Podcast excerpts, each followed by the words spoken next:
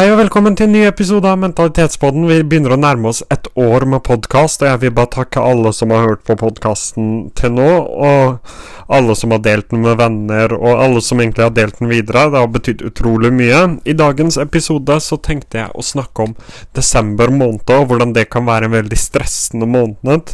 Jeg skal snakke litt om mine egne erfaringer, og hva jeg føler på akkurat nå. Uh, og ellers så skal jeg gi deg noen gode tips på hvordan du kan takle stresset som kommer med denne måneden. Så hvis det høres interessant ut, så kan vi bare hoppe rett inn i det.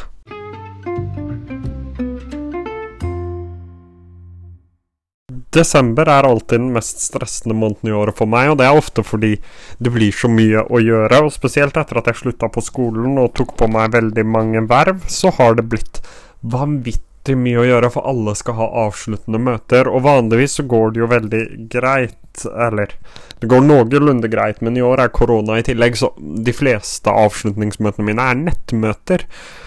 Og selv om jeg liker Altså, jeg liker å være i møtene, så er det på en måte litt tungt og litt frustrerende å ikke kunne faktisk møte folk, og ikke kunne ha juleavslutning. Og det gjør ting bare litt ekstra vanskelig. Det er jo altså Det er jo privilegert at det er mitt største problem, men det gjør på en måte at stresset blir litt mer. At du er nødt til å sitte hjemme på gutterommet, gjemt bort, og ha møte etter møte etter møte etter møte. Og jeg har hatt to møter denne uka. Jeg har hatt tre igjen. Og i tillegg så kommer julegavene, og du skal tilbringe tid med familien. Du skal tilbringe tid med de du er glad i, og jeg har full forståelse for at selv om jeg maser om at det er veldig viktig, så blir det i perioder utrolig vanskelig å få til. Og jeg merker det selv. Uh, fordi litt av mitt problem var jo at jeg tok på meg veldig mange verv fordi jeg hadde veldig mye tid. Og så på en måte handlet det også om at jeg prøvde å finne ut av hva vil jeg gjøre. Da måtte jeg prøve ut alle de tingene. Altså hvilken ting virker interessant, og hvilken ting har jeg lyst til å fortsette å drive med, og hvilken ting vil jeg gi meg med. Det som var problemet mitt, var jo at når jeg tok på meg alle disse vervene, så slo det meg aldri at jeg kom til å få 25 000 følgere på en sosiale medie-app, og podkasten min kom til å begynne å gjøre det bra, og jeg kom til å starte en YouTube-kanal og en blogg. Det, det, det bare Det virker fortsatt litt utrolig. Det slo meg aldri at det skulle være en mulighet, da. Og det var jo egentlig ikke en mulighet heller, så det er jo ikke så rart det ikke slo meg. Det var ikke en mulighet. Det var liksom ikke noe jeg tenkte på. Og jeg har gjort det før, da. Jeg har hatt en Instagram-profil som jeg har både investert penger i og jobbet mye med. Uh, for to-tre år siden, som på et tidspunkt hadde 14 000-15 000 følgere, men det ble på en måte for mye for meg. Og jeg følte ikke at jeg elsket det jeg drev på med. Men så er det litt annerledes nå, og Kanskje jeg har vokst, kanskje situasjonen er litt annerledes. Sannsynligvis en blanding. Men jeg fant ut at jeg likte å drive med det her og ville prioritere det, så jeg starta YouTube-kanalen, jeg starta bloggen, jeg fortsatte å prioritere podkasten med noen få unntak, der hvor jeg falt ut fordi det ble for mye å gjøre. Uh, og nå har jeg landa på én til to episoder i uka, og jeg håper dere kan være fornøyde med det, men du er på en måte nødt til å du har ikke særlig mye annet valg enn å håndtere det stresset som ligger foran deg.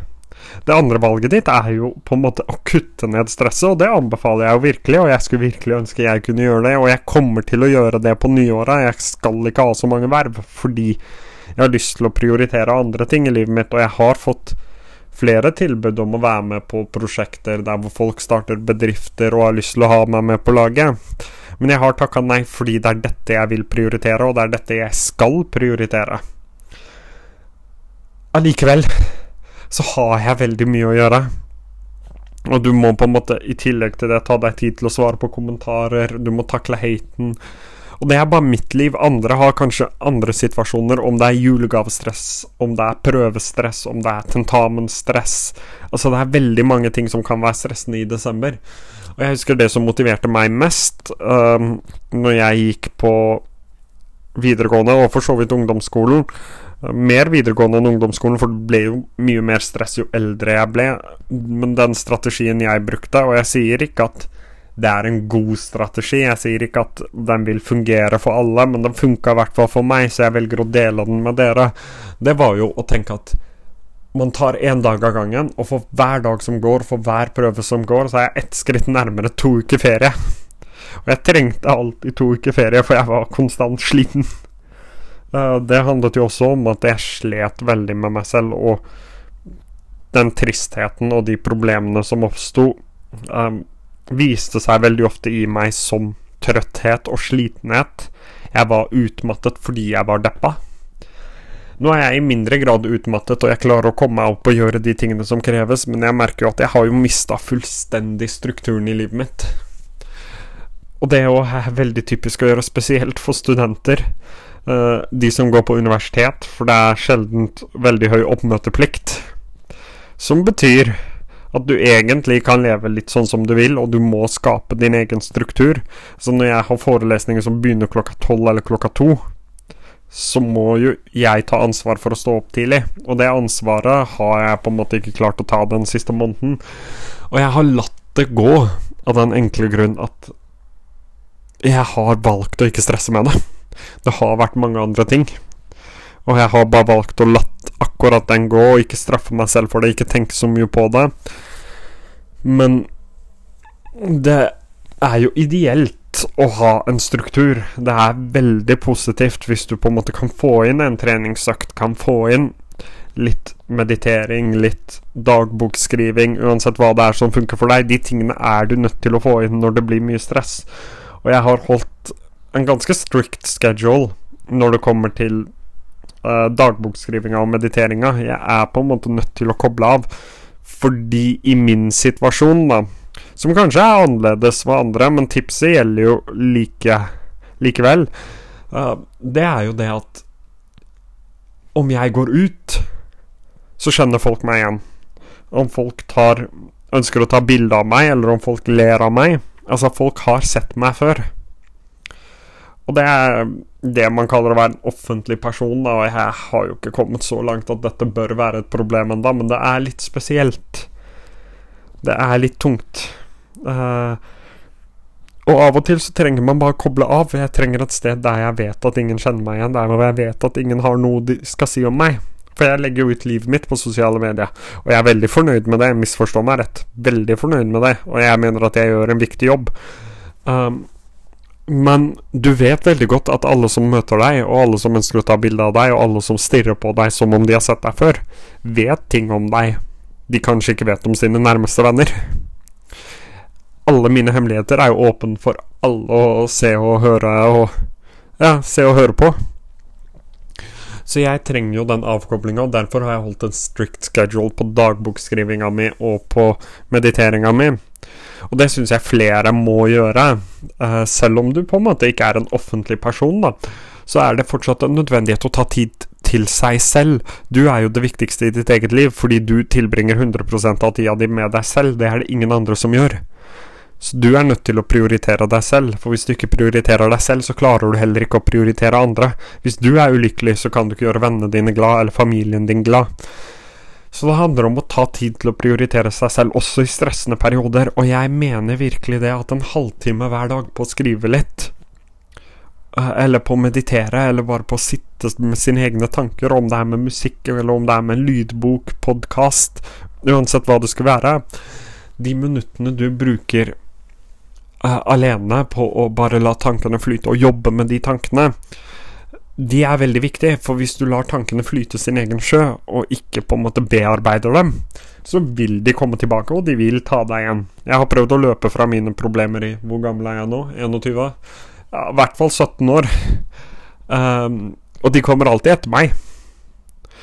Så jeg har lært at du er nødt til å sette deg ned og bearbeide tankene. Du er nødt til å sette deg ned og bearbeide det stresset som eksisterer. For det er stress. Desember er en stressende måned, i hvert fall inntil eh, er 18., 17., 18. folk får skolefri, og jeg får fri 21. Det er veldig stressende. Samtidig så driver jo jeg også med den, de sosiale mediegreiene mine, som er en 24-timers jobb. Jeg tar meg ikke fri på julaften, jeg tar meg ikke fri dagen før julaften. Og noen vil påstå at det er usunt. Jeg mener at det funker for meg. Problemet ligger ikke i akkurat det med å få ut en podkastepisode, få ut en YouTube-video. Problemet ligger i de tingene som er litt mer demotiverende å gjøre. som jeg har mistet litt mer sansen for det siste året, som jeg er nødt til å gi fra meg, fordi det er veldig mange andre mennesker som er svært motiverte og klare til å gjøre den jobben som kreves, og det er veldig viktig for meg at alle får den muligheten. Hvis noen er mer motivert enn meg til å gjøre noe, så fortjener de muligheten, og sannsynligvis vil de gjøre en bedre jobb. Det er derfor jeg gjør det så greit som jeg gjør på sosiale medier, for jeg er mer motivert enn veldig mange andre til å legge ut opp mot 12-13 TikTok-videoer dagen, en podkast-episode i uka, tre YouTube-videoer i uka. Altså, jeg er motivert til å gjøre den jobben. Og det er uendelig viktig å passe på at du bruker tid på de tingene som motiverer deg, og veldig mange har fritidsgreier de må gjøre. Nå har jo korona satt en stopper for det, da, men Veldig mange har ting de gjør på fritida, om det er gaming, om det er fotball, om det er tennis, om det er sjakk. Altså, for meg er det jo sjakk uh, som er en av tingene. Og så er du på en måte nødt til å velge, da, for du kan ikke gjøre alt. Så du er nødt til å velge de tingene du interesserer deg mest for og har mest lyst til å bruke tid på. Og det viktigste er jo det stresset og det uh, endeløse stresset jeg kaller desember måned. Det går over. Det er kanskje det aller viktigste. Det går over. Det er bare to-tre uker. Og jeg gir deg Jeg har gitt deg noen tips til å håndtere dette bedre.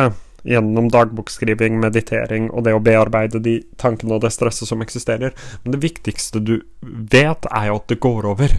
Dette er bare en periode, og jo eldre du blir, jo mer stress du får på deg, og jo mer du er nødt til å takle det stresset så du, blir du flinkere til å håndtere det. Du kan tåle mer stress etter hvert.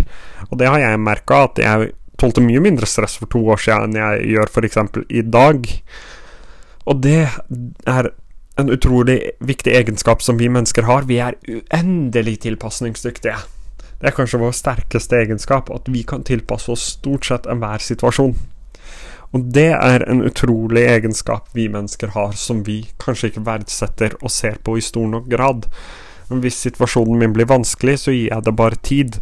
Jobber, bearbeider med tankene Bearbeider med tankene, Bearbeider tankene, og uh, kommer til et tidspunkt der hvor jeg håndterer det veldig godt. Og det kan alle andre òg gjøre, det er ikke noe eksepsjonelt ved meg. Jeg har bare brukt tida på å lære meg disse tipsene og lære meg disse tingene. Det kan du òg gjøre. Eh, og det gjelder uansett hva du drømmer om å få til, hva du velger å prioritere. Tren på å håndtere det stresset, for du går et helt liv i møte, og jeg skal love deg at på et eller annet tidspunkt så blir det veldig mye stress.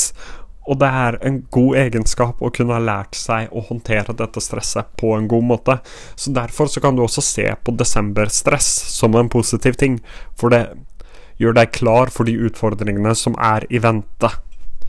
Uh, så du kan se på det på den måten, og det er helt opp til deg. Men jeg har i hvert fall gitt deg noen tips, og jeg håper virkelig de fungerer for deg.